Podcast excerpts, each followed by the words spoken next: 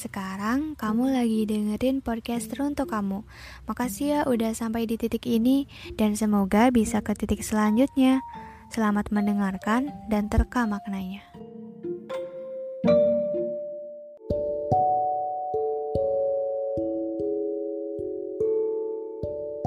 Antara takut tidak takut, Ginta sembari menggaruk-garuk keheranan dengan tingkah seseorang itu. Ginta membuka diarinya dan mencatat jam pada saat orang-orang misterius itu berangkat dengan kereta menuju ke kiri.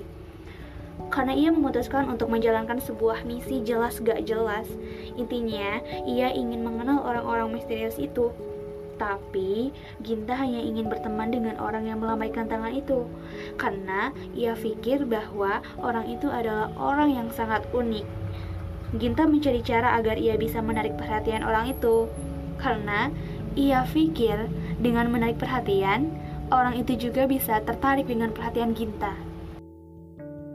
Malam hari ini Ginta tidak bisa tidur karena terus memikirkan cara agar berkenalan langsung dengannya.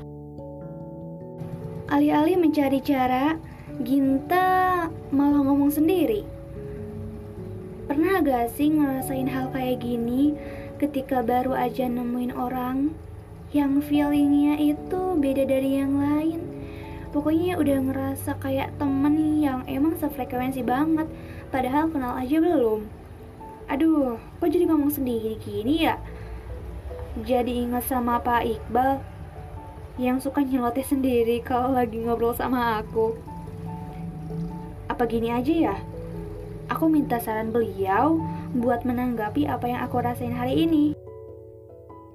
Pak Iqbal adalah seorang penyair ternama dunia Beliau adalah guru sekaligus teman bagi Ginta. Hari mulai cerah dan Ginta langsung bergegas untuk pergi ke rumah Pak Iqbal di gerbong dekat kafe 80-an itu. Itu tandanya Ginta harus mengambil jalur kereta yang ke depan dan kemudian belok ke arah kiri. Ia tidak bersama Poppy karena Poppy sedang membaca buku di perpustakaan. Waktu yang ditempuh Ginta yaitu satu jam. Kemudian, tibalah ia di depan rumah Pak Iqbal dan mengklik bel rumah gerbongnya yang sederhana namun mewah itu. Mereka berdua meminum teh sembari pembantunya Pak Iqbal menjalankan kereta ke taman kota. Ada apa Ginta? Oh iya, waras kan sekarang? Iyalah Pak, Ginta mau cerita apa yang Ginta rasain. Jadi gini Pak,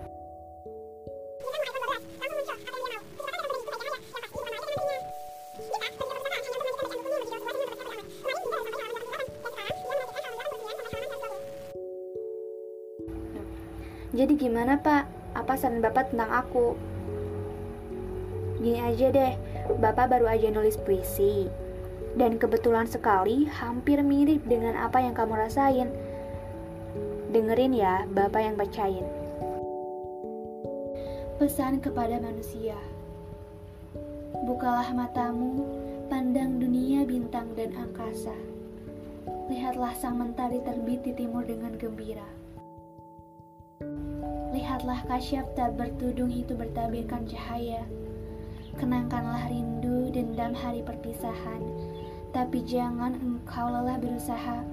Tengok perjuangan harap dan cemas. Seisi alam semesta ini adalah milikmu. Kuasailah mereka. Kemarin kau pandang keelokan rupa para malaikat dan bidadari. Pandanglah kini bentukmu dengan cermin waktu. Selintas pandang matamu akan dipahami sang waktu dari kejauhan bintang-bintang memandang dirimu. Samudra pikiranmu tak mengenal batas. Nyala api akan melindap ke langit luas. Bangkitlah pribadimu. Nyalamu mengandung cahaya matahari. Dalam senimu terpendam sebuah dunia baru. Jangan terima kenikmatan surga yang disuguhkan cuma-cuma untukmu. Sebab surga ada di dalam darahmu. Hai, bayang tanah lempung raih pahala tiada hentinya. Sejak awal kejadian tiap dawai kecapimu bergetar. Sejak awal kejadian kau pengenal rahasia. Sejak awal kejadian kau si pekerja keras. Menumpahkan darah, lalu kembali berdamai. Saksikanlah betapa kehendakmu itu menentukan nasib alam semesta. Karena Ginta anak yang cerdas dalam menerka, ia langsung paham apa yang diucapkan Pak Iqbal dalam puisinya. Pak, Ginta mengerti. Syukurlah, Alhamdulillah. Makasih banyak, Pak. Besok Ginta mau bikin rencana supaya bisa ketemu sama orang itu. Hati-hati ya, Gin. Jangan sampai ada hal-hal yang tidak diinginkan. Oke, Pak. Ginta mau ke rumah dulu ya, mau pulang, capek. Ya udah, Ginta. Hati-hati ya. Ya, Pak. Makasih banyak. Sama-sama, Ginta.